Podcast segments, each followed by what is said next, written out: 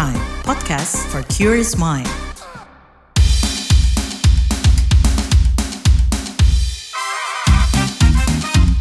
What's Trending KBR Pagi, siaran pagi radio paling update. Hai, selamat pagi. 29 Februari 2024 ada Naomi Liandra di What's Trending. Dan pagi hari ini aku mau ngajakin kamu ngobrolin soal motivasi Gen Z untuk liburan. Uh, kalau ngomongin soal liburan ya, kira-kira apa sih motivasi untuk berlibur dan ada nggak liburan yang sekedar pingin punya quality time aja atau bahkan ada juga yang maunya piknik untuk ngilangin stres. Seenggaknya dua alasan itu yang rupanya paling banyak dipakai sama generasi milenial, Gen Z dan juga Gen X untuk packing lalu lanjut traveling. Nah ini tercermin dari hasil survei Red Doors Indonesia yang menunjukkan sebanyak 67% responden dari kelompok wisatawan Gen Z dan milenial pergi berlibur karena ingin menghilangkan stres. Sementara 57% wisatawan dari kelompok Gen X berlibur dengan alasannya ingin punya quality time bareng keluarga. Nah, survei itu melibatkan responden pelanggan Red Doors dari kelompok Gen Z dan milenial di rentang usia 14 sampai 42 tahun dan kelompok Gen X yang usianya 43 hingga 50 tahun. Periode survei ini dilakukan di akhir Desember tahun lalu 2023 sampai pertengahan Januari 2024. Nah, di mana sih kira-kira destinasi wisata favoritnya ketiga kelompok usia ini? Dan ternyata kota Yogyakarta dan Bandung ini yang dapat vote terbanyak. Lantas gimana potensi wisatawan dari kelompok muda ini untuk meningkatkan sektor pariwisata Indonesia? Kita akan bahas setelah komen netizen plus 62 berikut ini.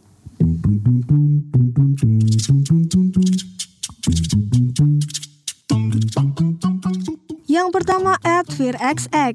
Kenapa ya? Setiap orang liburan dikit dibilang healing, padahal liburan mah liburan aja.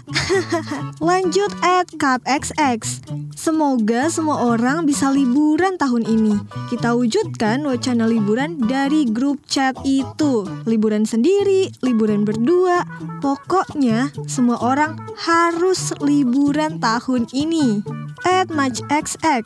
Badan butuh liburan, dompet butuh lembaran. At Nor XX. The weekend always have to pass so quickly. Butuh liburan sebulan. At Kev XX. Pengen rasanya liburan keliling Indonesia sendirian, gak tahu tujuannya ke mana, karena intinya cuma buat healing aja XX. Tahu gak sih guys, traveler atau para backpackeran yang suka ke pantai untuk healing atau liburan, Indonesia memiliki pantai yang indah dan menakjubkan loh. Hashtag pantai milik publik. At XX. Liburan ke bagian timur Indonesia lebih mahal daripada liburan ke negara Asia Tenggara. At XX. Hidup itu random banget. Orang Indonesia tapi ngumpulin duit buat bisa liburan ke Indonesia. Yang terakhir, Ethnic XX. Kita adalah orang yang capek, tapi masih bisa bilang oke siap demi healing liburan sana-sini ke Indonesia. What's Trending KPR Pagi, siaran pagi radio paling update. Kita lagi masih ngebahas soal motif Gen Z liburan. Tapi sebelum lebih jauh ngebahas potensi kelompok usia muda dalam mendongkrak pariwisata Indonesia, kita juga mau tahu dulu nih, apakah memang liburan bisa jadi cara untuk menghilangkan stres? Karena belakangan sering banget kita dengar kata healing itu tenar ya di media sosial.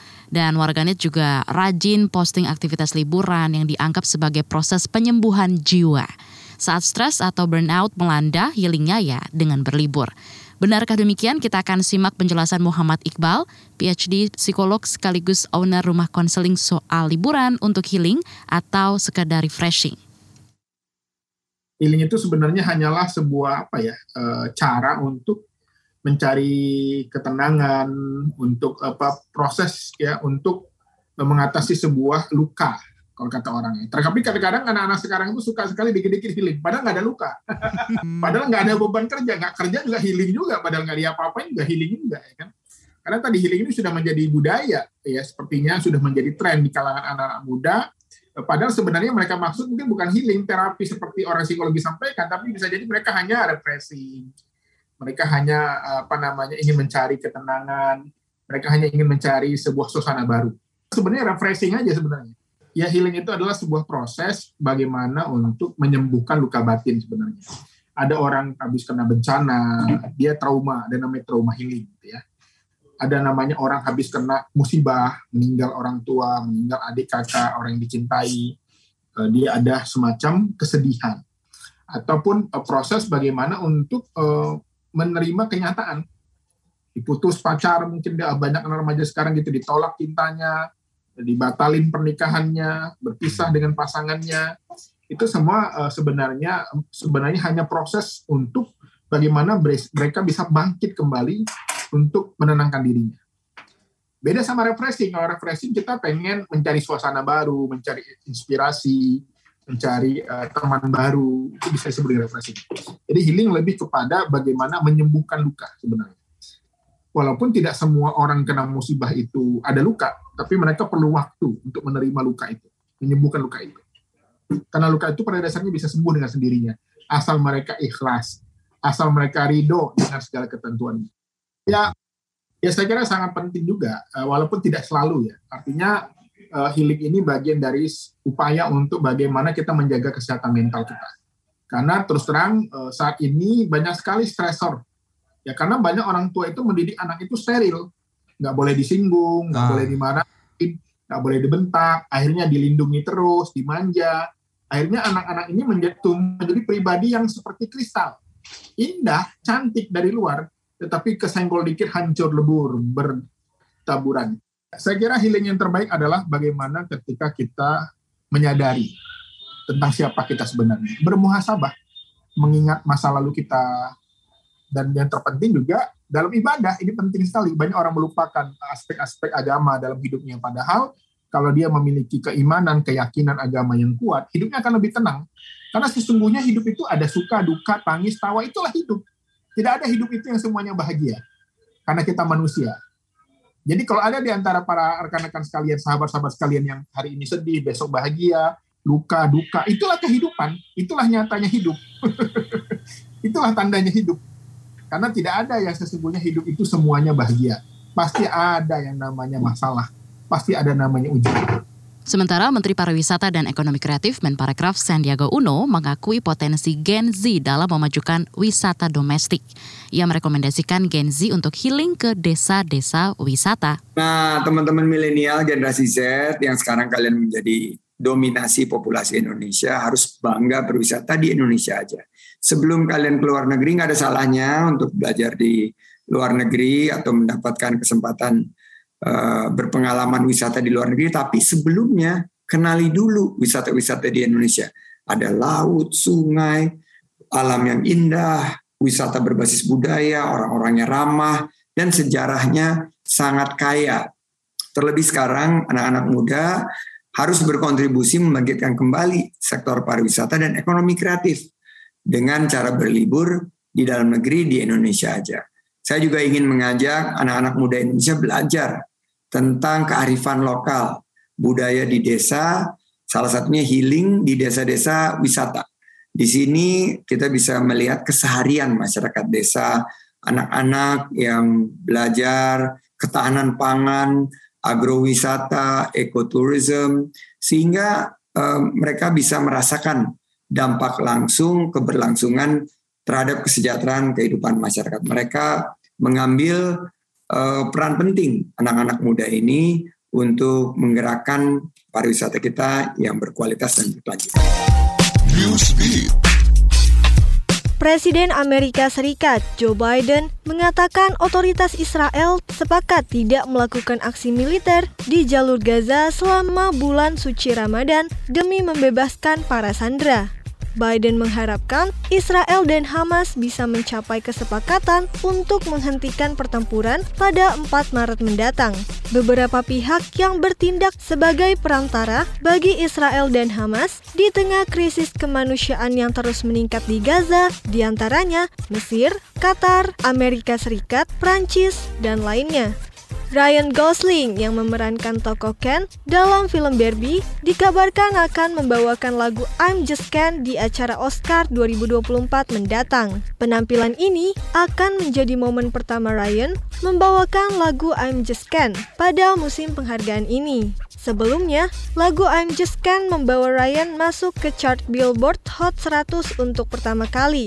Sesuai tradisi Oscar 2024, semua lagu yang dinominasikan dalam kategori lagu asli terbaik akan ditampilkan saat acara pengumuman penghargaan pada 10 Maret 2024.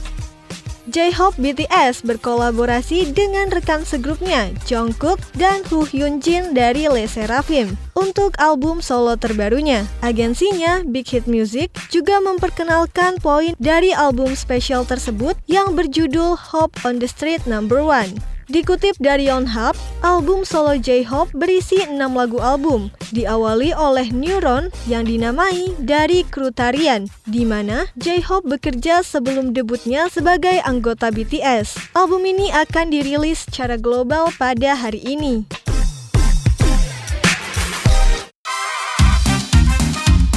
What's Trending KPR Pagi, siaran pagi radio paling update. Kalau tadi kita udah dengerin uh, beberapa pendapat dari Menparekraf Sandiaga Uno dan juga dari psikolog sekaligus owner rumah konseling ada Mas Iqbal. Sekarang gimana nih caranya bisa memaksimalkan potensi wisatawan kelompok usia muda ini dan destinasi mana aja yang cocok untuk mereka? Kita akan obrolin langsung bareng Ketua Genpi Nasional Siti Hodijah yang akrab dipanggil Mbak J.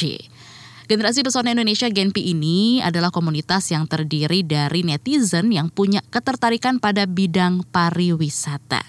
Halo Mbak J, gimana nih berdasarkan pantauan Mbak J, adakah kenaikan tren turis dari kelompok Gen Z dan milenial dan besar nggak nih Mbak potensinya setiap tahunnya? Jadi memang begini Mbak, eh, banyak faktor yang mendasari kenaikan turis atau wisatawan dari kelompok Gen Z dan juga milenial. Dan tren ini sebetulnya sangat berhubungan dengan banyak hal ya. Yang pertama adalah terkait dengan perkembangan teknologi informasi di mana media sosial ini banyak sekali menjadi arena promosi untuk destinasi wisata, event, bahkan sampai konser musik. Lalu uh, kita juga melihat bahwa uh, tren sosial kita uh, itu memang akhir-akhir ini setelah pandemi itu memang ada kerinduan orang untuk melakukan perjalanan wisata. Lalu juga uh, banyak hal yang sifatnya flexing sebetulnya ya. Mhm. Konser-konser musik internasional ataupun konser-konser musik nasional yang ketika kita tidak ikut melihat, kita tidak ikutan posting, kita tidak ikut euforia, itu dianggap bahwa kita tidak ikut hype ataupun ketinggalan. Sehingga banyak faktor sebetulnya yang bisa mendasari akan kenaikan jumlah wisatawan dari sektor Gen Z dan juga uh, milenial. Lalu memang banyak jargon juga yang keluar baik itu di media sosial ataupun media online bahwa ya uh, anak muda itu ya harus healing.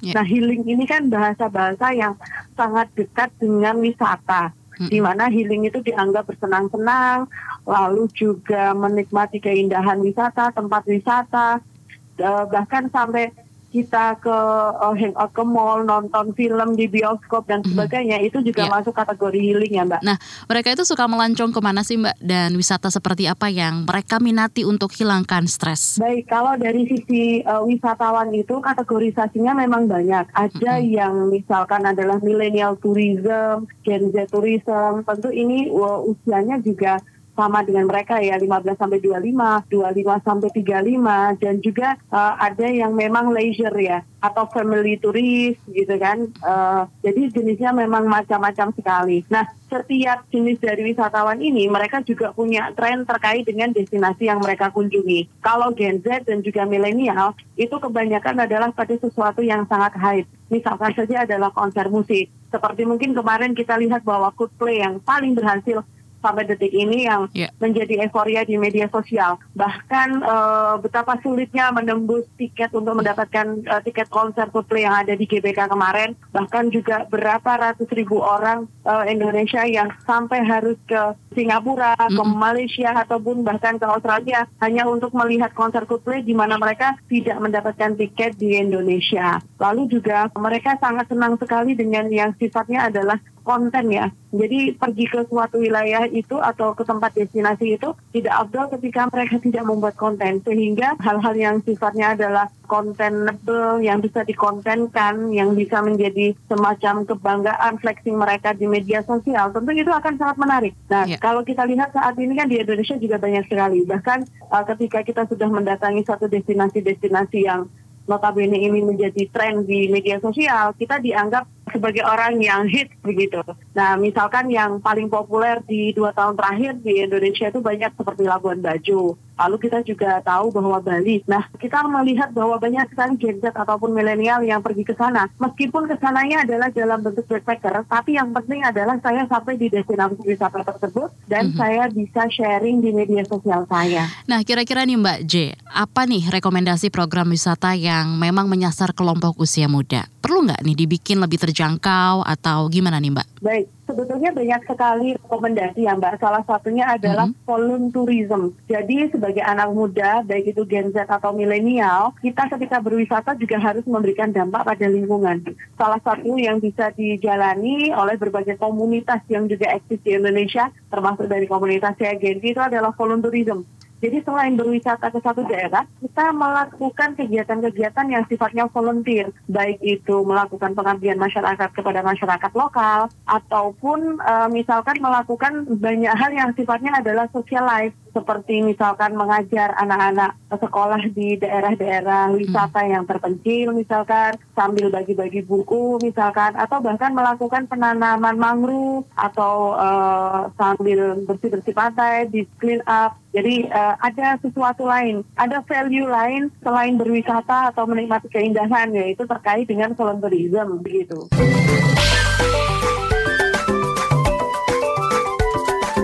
WhatsApp Indonesia. WhatsApp Indonesia dimulai dari Jakarta. Kementerian Komunikasi dan Informatika Kominfo membuka beasiswa kemitraan S2 ke luar negeri untuk 30 April 2024. Pendaftarannya bisa akses ke link beasiswa.kominfo.go.id.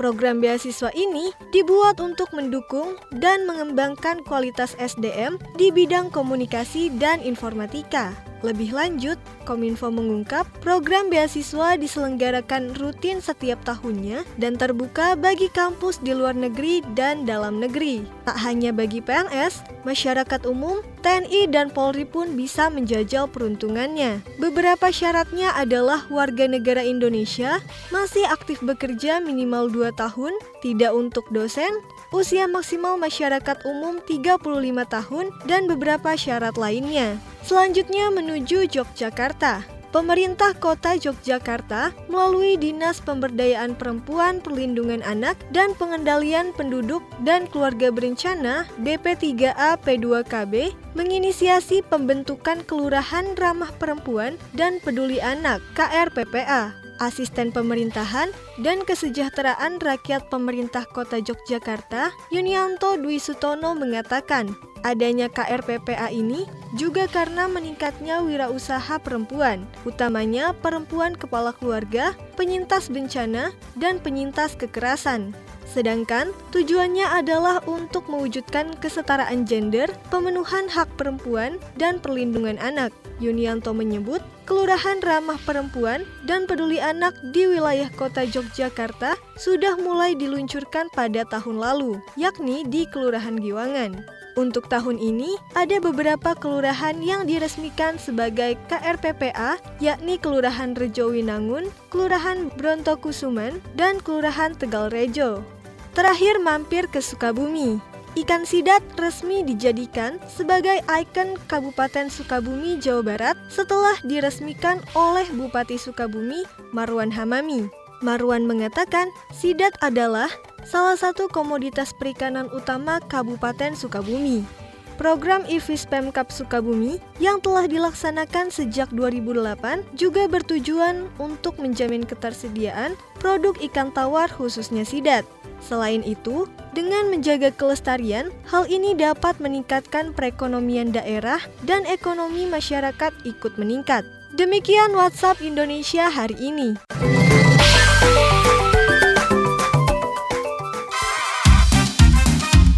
What's Trending KPR Pagi, siaran pagi radio paling update.